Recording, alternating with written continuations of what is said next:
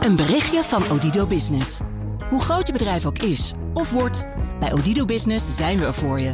Met unlimited data en bellen en met supersnel en stabiel zakelijk internet. Ook via glasvezel. Ontdek wat er allemaal kan op odido.nl/slash business. Het kan ook zo. BNR Beurs wordt mede mogelijk gemaakt door Bridge Fund. Make money smile. BNR Nieuwsradio. BNR Beurs.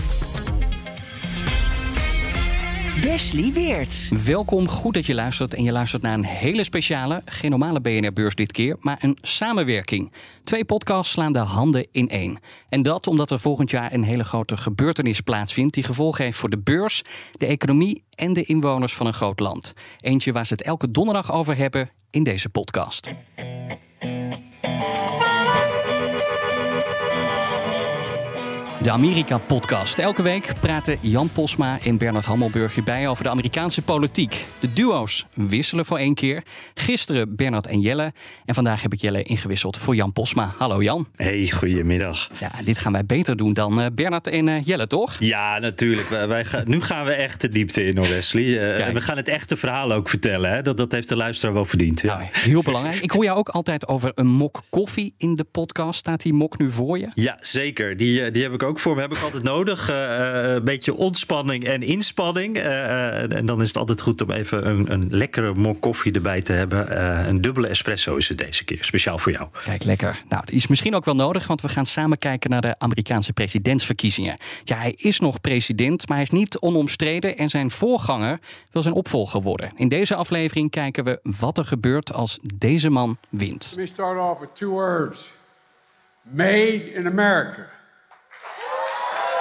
Made in America.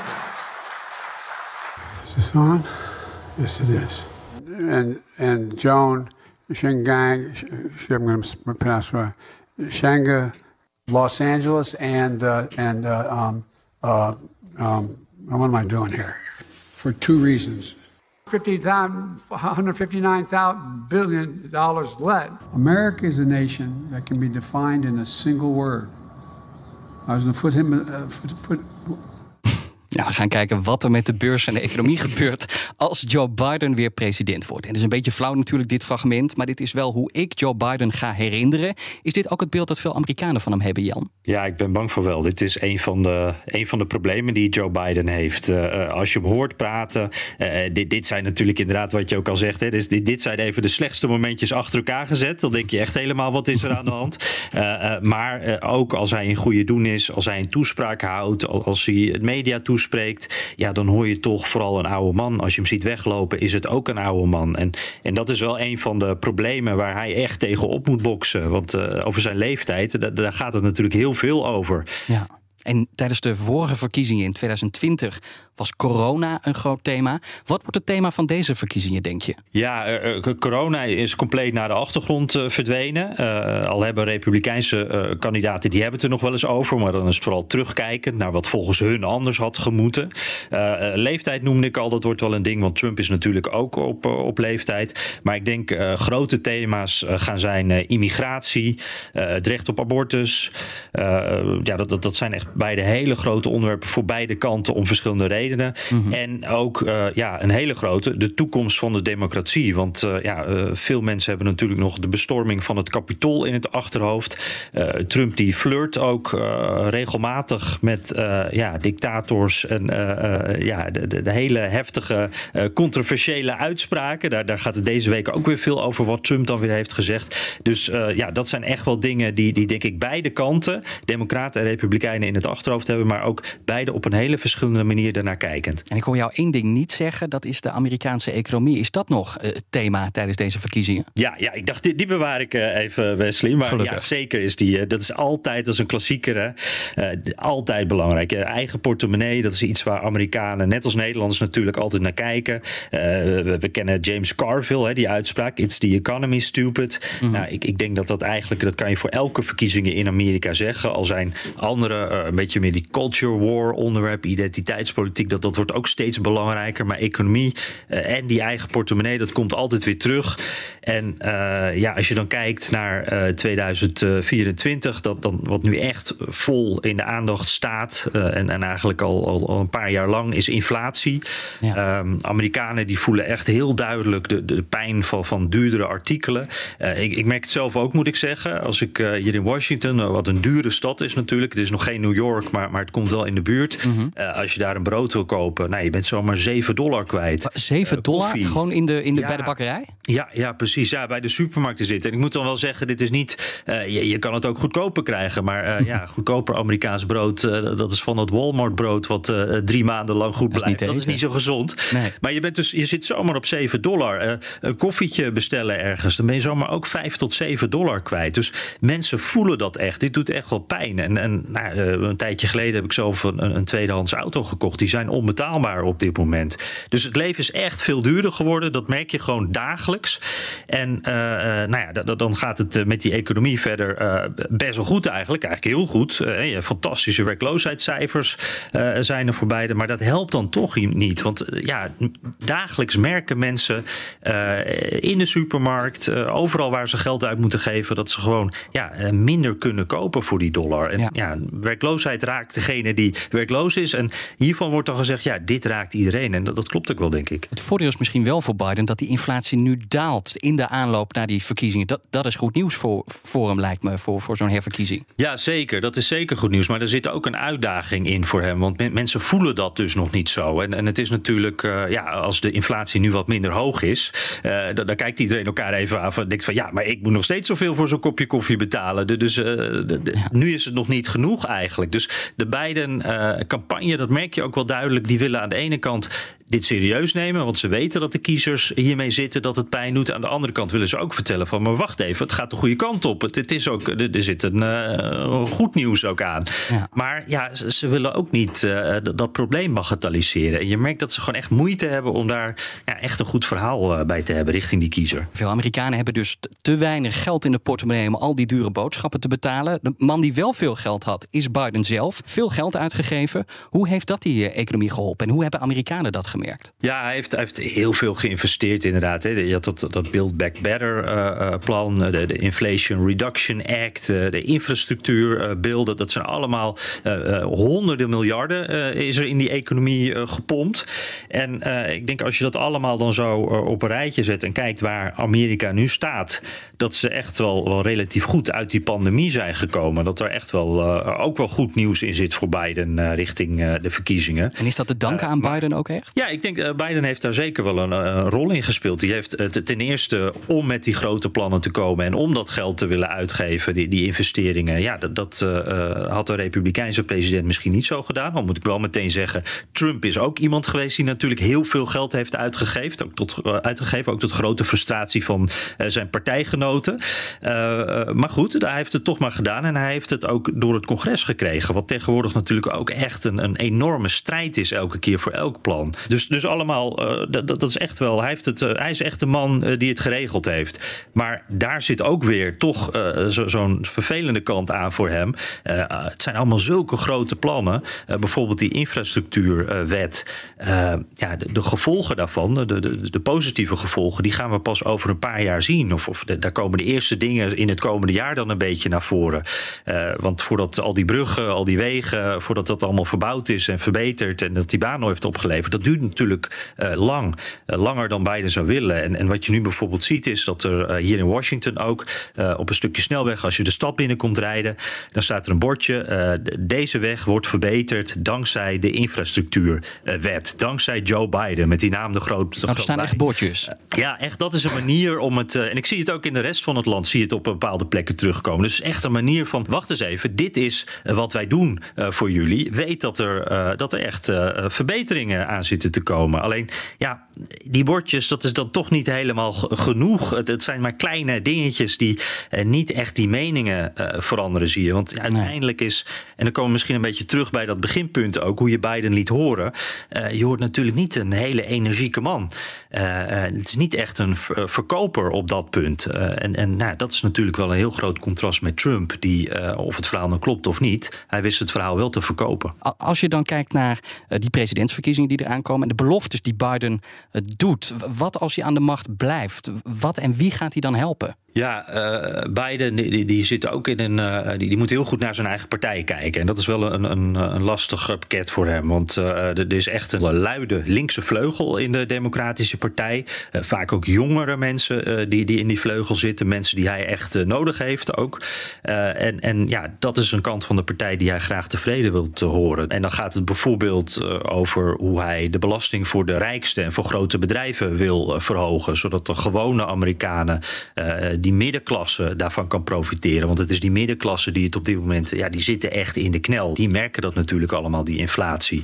Uh, dus hij wil ook bijvoorbeeld, uh, om de jongeren tegemoet te komen, is hij studieschulden aan het wegschelden, dat soort dingen. maar hij is ook bezig bijvoorbeeld met medicijnprijzen. Daar, daar, is hij al aan begonnen. Mm. Om bijvoorbeeld insuline voor ouderen. Dus er zit een soort een cap op. die mogen niet boven een bepaalde prijs. Nou, dat wil hij uitbreiden. Ook voor mensen die niet in die categorie van ouderen vallen. Dus voor alle Amerikanen. Uh, zorgverzekeringen behouden. En uh, ja, natuurlijk ook die vergroening. Uh, waar we hem ook veel over horen. Hè. Amerika verbeteren. build back better eigenlijk. zoals hij dat dan zegt. Ja. maar dan ook met oog voor het milieu en voor de toekomst. Wat, wat is het grootste verschil in beleid tussen Biden en Trump? Ja, dat is echt een interessante. Want Trump en de Republikeinse Partij. Die, die, hebben op dit moment eigenlijk helemaal geen duidelijke platform. ze zijn hele, ze, het is niet dat ze een tien plannen of een tien puntenplan zomaar uh, kunnen uh, presenteren. Um, veel uh, draait bij hen, bij Trump ook, om, om, vooral bij Trump, om, om wraak nemen voor, voor 2020, voor die verloren verkiezingen. Dus daar hoor je hem heel veel over. Dus dat heeft eigenlijk niks met de toekomst of regeren de economie te maken. Nee. En, en, verder zijn het allemaal losse dingen bij elkaar. Een, een, grote groep republikeinen, dat is echt een klassiek republikeins onderwerp natuurlijk, die willen lagere belastingen. Ook juist voor bedrijven. Is ook juist wat uh, Trump in, in zijn eerste termijn heeft gedaan natuurlijk. Uh, zo weinig mogelijk overheidsinvloed, dus ook minder regels. Bijvoorbeeld ook voor het milieu. laat daar dan die bedrijven vrijer in. Dat is echt een Trump-standpunt. En ja, tegelijkertijd heeft Trump, daar zit ook een sociaal, sociale kant aan, zeg maar. Zoals dat ook bij Geert Wilders een beetje een mix tussen links en rechts is. Trump die zal ook bang zijn om, om te snijden in sociale voorzieningen. Dan is hij bang dat hij zijn eigen achterban daar ook weer uh, uh, boos mee maakt. En wat nou precies prioriteit gaat krijgen, dat weten we eigenlijk nog niet. Jan, jij noemde die bedrijven al en dan is het een kleine stap naar de beurs. Want ja, welke impact heeft de machtigste persoon van het machtigste land en de grootste economie in de wereld op de beurs? Uh, ik weet, jij bent geen beursexpert, maar je kan wel de politieke hoofdlijnen schetsen. En die is voor beleggers wel belangrijk. Jij zei net al, Trump is voor lagere belastingen, minder regels. En dan zullen sommigen zeggen, ja, dat is beter voor de beurs. Wat heeft Biden op dat gebied uh, te bieden? Biden is natuurlijk in ieder geval naar buiten toe in de campagne en, en als president is hij een stuk strenger richting de grote bedrijven. Je zou zeggen, dan heeft hij ze ook wat minder te bieden. Maar ik denk dat Biden zijn pitch een andere kant op gaat. Uh, Biden die zegt, als je voor mij kiest, dan krijg je rust, dan krijg je vertrouwen, dan krijg je duidelijkheid. Hij maakt het contrast met Trump maakt hij heel duidelijk. En hij zegt eigenlijk van ja, daar was een, een hoop chaos. Er gebeurde heel veel dingen heel plotseling. Nou, allemaal onzekerheid leverde het op. Juist iets waar beleggers natuurlijk helemaal niet van houden. En uh, Biden zegt, bij mij gaan al die plotselinge gekke dingen ge niet gebeuren. Je krijgt geen emotionele uitbarstingen. Uh, ik ga alles heel rationeel uh, en, en, verstandig bekijken. geen gekke handelsoorlogen. Nou, Jan, die handelsoorlog, om daarna meteen op door te gaan. Ik heb niet het idee dat die minder is geworden sinds Joe Biden naar de macht is. In algemene zin, uh, ja, Biden is eigenlijk uh, net zo kritisch op China. Uh, kijkt daar eigenlijk op heel veel manieren op, op dezelfde manier naar. Ook, ook dat protectionisme wat daarin zit. Um, ik denk wel dat in de algemene zin ook de relatie met China wel wat, ja, ook wel weer even wat verslechterd is onder Biden. Ja? Uh, we, we, hebben die spionballon gehad hè, en, en dat, dat bezoek van, van een uh, delegatie van, van het Amerikaanse congres aan Taiwan. Allemaal dingen die niet zoveel met de economie te maken hebben, maar die wel invloed hebben op die relatie en waardoor het nu ook weer erg bekoeld is. Ja, Biden die, die, die wil wel een relatie met China, maar hij wil daar wel veranderingen in aanbrengen. En hij ziet China ook echt wel als de grote tegenstander. het is alleen dat hij er ja, minder aan toekomt, omdat hij afgeleid is op dit moment door Rusland, door Oekraïne, conflict in Israël. Dus dat zijn allemaal dingen die nu zijn aandacht nodig hebben. Maar eigenlijk zou China voor hem topprioriteit moeten zijn. Nou, in BNR Beurs gaat het ook elke week minimaal één keer over die handelsoorlog. En over hoe dat ASML kan raken. En of ze die chipmachines nog wel naar China hm. mogen exporteren. Maar of het nou Trump wordt of Biden. één ding is zeker: de onzekerheid rondom China. En dus ook het wel of niet mogen exporteren naar dat land. Dat blijft. Ja, denk ik ook. Eigenlijk Biden heeft ook een klein beetje America First uh, geadopteerd uh, op, op, dat punt. Uh, het enige verschil tussen de twee is denk ik dat Biden het wat bedachtzamer en wat diplomatieker aan zal pakken. En bij Trump ja, weet je het uiteindelijk nooit hoe hij het gaat doen. Oké Jan, het is tijd voor het eindoordeel. De conclusie. Is Biden goed voor de wereldeconomie en dus indirect ook voor de beurzen? Poeh, ja, weet je, ik, ik uh, misschien wat flauw diplomatieke antwoord hierin. Maar wat, ik, wat mij altijd zo opvalt uh, in Amerika zelf in ieder geval, dat de invloed van een president ook echt schromelijk wordt overdreven. Ze doen altijd alsof de Amerikaanse president een knopje om kan zetten en hup, dan gaat de economie omhoog of omlaag. En in de praktijk zie je natuurlijk dat het allemaal veel langer duurt, dat het ingewikkelder ligt en, en dat vaak pas de president daarna profiteert van wat de president ervoor heeft gedaan. Dus die kanttekening er zeker bij. Maar uh, ik heb altijd geleerd, uh, de, de belegger wil zekerheid. En ja, dan denk je toch eerder aan Joe Biden. Dit is geen advies overigens hoor. Dus luister vooral niet naar mij. nee, advies geven, dat doen jullie bij de Amerika-podcast niet. Doen we ook niet in BNR Beurs. dan toch nog even, qua kansen, ik ga het je toch maar vragen. Wie wordt het? Wordt het Biden of Trump? Ja, ja, ja, dit is de hamvraag. Hè. Um, weet je, het, het is, uh, Biden gaat het echt uh, moeilijk krijgen. Um, en het wordt echt heel spannend. En we hebben afgelopen weken ook gezien dat, dat in de peilingen, voor wat ze op dit moment waard zijn, hè, want het duurt nog bijna een jaar dat, dat Trump het echt goed doet. Nou ja, het, het, is echt nog heel prematuur, want we weten nog niet eens zeker of dit de twee kandidaten gaan worden. Dus heel veel slagen om de arm.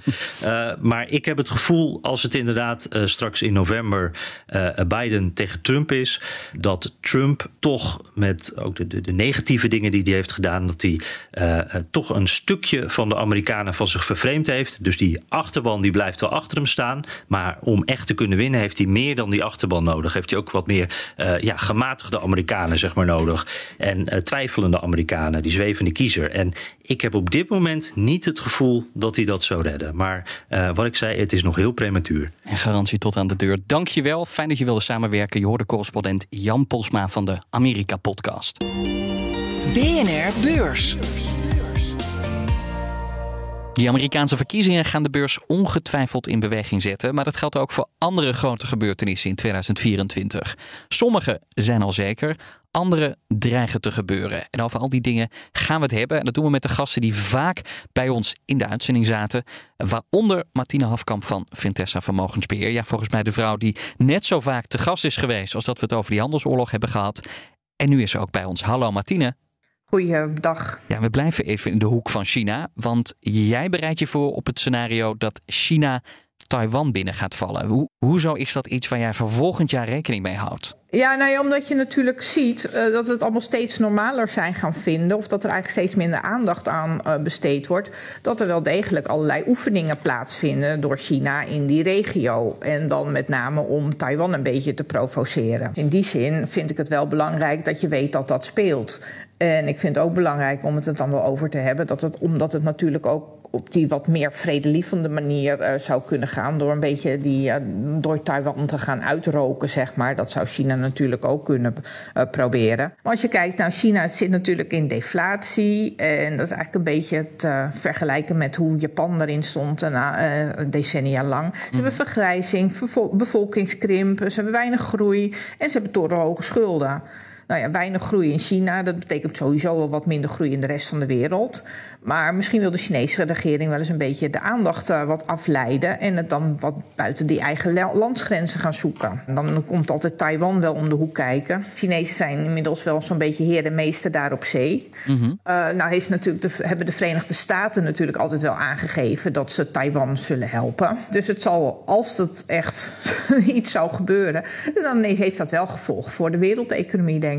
Ja, en uh, wat is dan de bepalende factor? Zijn dat die verkiezingen die in Taiwan gaan plaatsvinden eind januari van volgend jaar? Nou, dat zal waarschijnlijk niet gebeuren. Want op zich heeft de oppositie niet echt een hele goede kandidaat naar voren kunnen schuiven.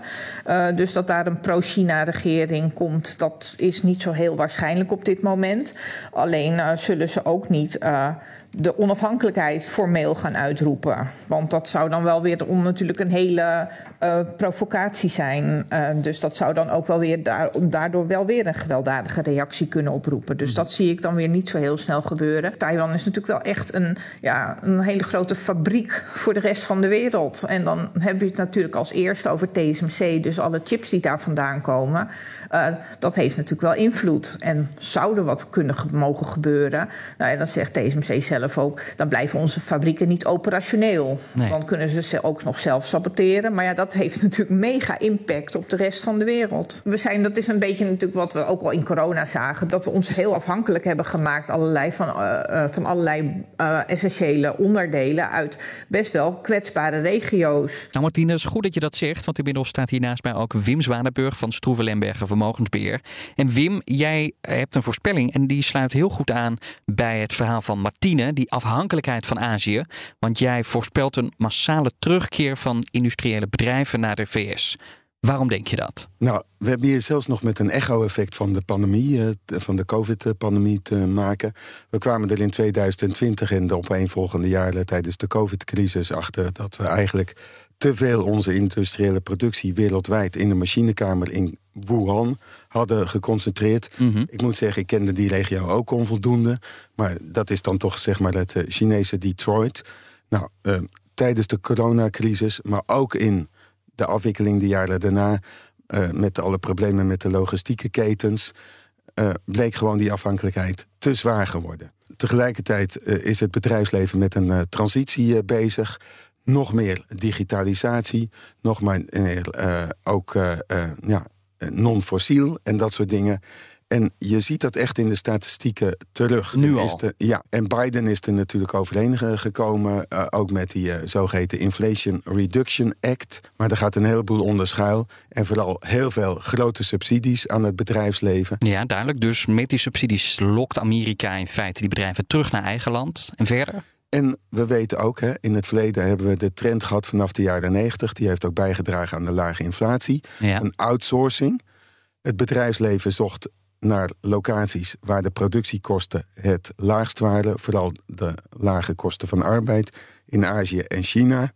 Maar tegenwoordig vervangen we die door robots ja. voor een deel. En dan maakt het niet uit. 24-7, liefst zo dicht mogelijk bij de eindcliënten dicht bij de eindmarkten met lagere transportkosten. En het is toch 24-7. Dankjewel. Wim Zwanenburg van Stroeven Lemberger Vermogensbeheer en Martine Hafkamp van Vintessa Vermogensbeheer. We zijn er nog niet. Martine houdt dus rekening met een mogelijke inval van China in Taiwan. Wim met een terugtrekkende beweging van Amerikaanse bedrijven vanuit Azië naar eigen land. En Reinder Wietsma, hoofdinvesteringen bij IBS, nu bij mij. En jij hebt helemaal geen plannen klaar liggen voor 2024. Hoezo niet? Nee, eh, bij IBS zijn heel laag op voorspellingen. En dat doen we eigenlijk omdat we ons proberen te focussen op de dingen die van jaar tot jaar gelijk blijven. Eh, we weten dat we in een wereld zitten die nou ja, continu verandert. En, en of het nu geopolitiek is of een nieuwe president of verkiezingen in Nederland of Europa. Uh, maar dat zijn allemaal dingen die ook van nou ja, tijdelijke aard zijn vaak. Uh, sommige events zullen natuurlijk wel een, een nou, grote impact hebben. We hebben de oorlog in Oekraïne gehad. En als China echt Taiwan binnenvalt uh, met geweld, dan zal dat zeker een enorme impact hebben. maar we proberen ons eigenlijk altijd te focussen op de dingen die niet veranderen. Dus we denken dat Amazon volgend jaar ook weer nou ja, heel veel klanten blij gaat maken door snel een pakketje te verzorgen. Dat heel veel mensen de make-up van L'Oréal zullen blijven gebruiken. En uiteindelijk is dat ook hetgene wat voor ons uh, als aandeelhouders uh, beurswaarde creëert. Um, en dus zijn we heel laag op het doen van voorspellingen en laten we een hele hoop dingen ja, eigenlijk over ons heen komen zonder daar altijd een ja, mening over te willen hebben of een voorspelling over te willen doen. Hoe bereid je je dan toch voor op de uh, toekomst? Hè? Je kijkt dan niet van jaar op jaar of naar grote gebeurtenissen die mogelijk kunnen gebeuren. Maar hoe bereid je je als belegger dan toch voor op 2024, 2025 en die lange termijn? Nou ja, dat zit eigenlijk al in het hele beleggingsproces dat, dat wij hebben. Wij hebben een portefeuille met 30 beursgenoteerde bedrijven. Maar je zou dat ook kunnen doen door in, in indexen te beleggen. Uh, daar zit een heel stuk natuurlijke spreiding in. Als je in ASML gaat beleggen in Nederland, dan loop je natuurlijk veel meer risico op wat er in nou ja, Taiwan of in China gebeurt, omdat dat een hele grote afzetmarkt is. Dan dat je gaat beleggen in nou ja, Alphabet of Google, omdat die juist nauwelijks aanwezig zijn in China zelf. Dus als je een beleggingsportefeuille opbouwt en, en een beetje spreiding ook aanbrengt in je portefeuille, dan neemt je ja, gevoeligheid voor een individueel risico ook enorm af. En uiteindelijk is dat denk ik de beste manier om om te gaan met die risico's. Want uiteindelijk komen ze vaker dan niet ook juist uit die onverwachte hoek. Er gaat nu heel veel aandacht uit naar het China-Taiwan-conflict. Maar het is heel waarschijnlijk dat hetgeen dat beurzen volgend jaar in beweging gaat zetten... iets is waar we nu nog helemaal niet mee bezig zijn. Afgelopen jaar hebben we dat natuurlijk gezien met Silicon Valley Bank... Ik heb weinig outlooks gelezen voor 2023, waarin mensen zeggen: ja, er gaan een aantal grote financiële instellingen in Amerika failliet. En, en dat is precies ook de reden waarom we eigenlijk nou ja, niet weinig aandacht geven aan voorspellingen of daar niet proberen heel veel tijd aan te besteden. Dat neemt niet weg dat je goed na kan denken over risico's. We leggen liever in landen waar we vrienden mee zijn dan vijanden. Dus we hebben nul Chinese aandelen. Dat is iets waar we wel heel bewust mee bezig zijn. In je beleggingsstrategie zal al moeten zitten dat, je, dat er meer dingen gaan gebeuren of die kunnen gebeuren dan dat je denkt dat er gaan gebeuren. Want dat is helaas uh, en gelukkig ook hoe de wereld werkt. Ja, Reinder, dan hebben we twee afleveringen gemaakt met vooruitblikken, met voorspellingen voor volgend jaar. Kunnen we die maar beter door de goot spoelen dan? Nee, het blijft zeker leuk. En ik denk ook dat zolang als dat ik uh, dit, dit, dit mooie vak uh, mag doen, dat er heel veel tijd en aandacht uitgaat naar voorspellen. Ik denk alleen dat, dat als belegger daar wel eens wat te veel ook op geacteerd wordt. Omdat een hele hoop dingen same as ever zijn. Dus die jaar op jaar uh, onveranderd zijn en daarom ook uh, zo'n krachtige bijdrage kunnen leveren aan je langetermijnrendement. Nou, ook wel lekker dat we al een beetje weten hoe volgend jaar eruit gaat zien. Dankjewel, Reinder Wietsma van IBS. Daarmee zijn we aan het einde gekomen van deze speciale aflevering, waarin we dus de samenwerking zochten met de Amerika-podcast. Morgen weer een normale BNR-beurs. Ik wens je een hele fijne avond en graag tot morgen. BNR Beurs wordt mede mogelijk gemaakt door Bridge Fund. Make money smile. Een berichtje van Odido Business. Hoe groot je bedrijf ook is of wordt, bij Odido Business zijn we er voor je. Met unlimited data en bellen en met supersnel en stabiel zakelijk internet. Ook via glasvezel. Ontdek wat er allemaal kan op odido.nl/business. Het kan ook zo.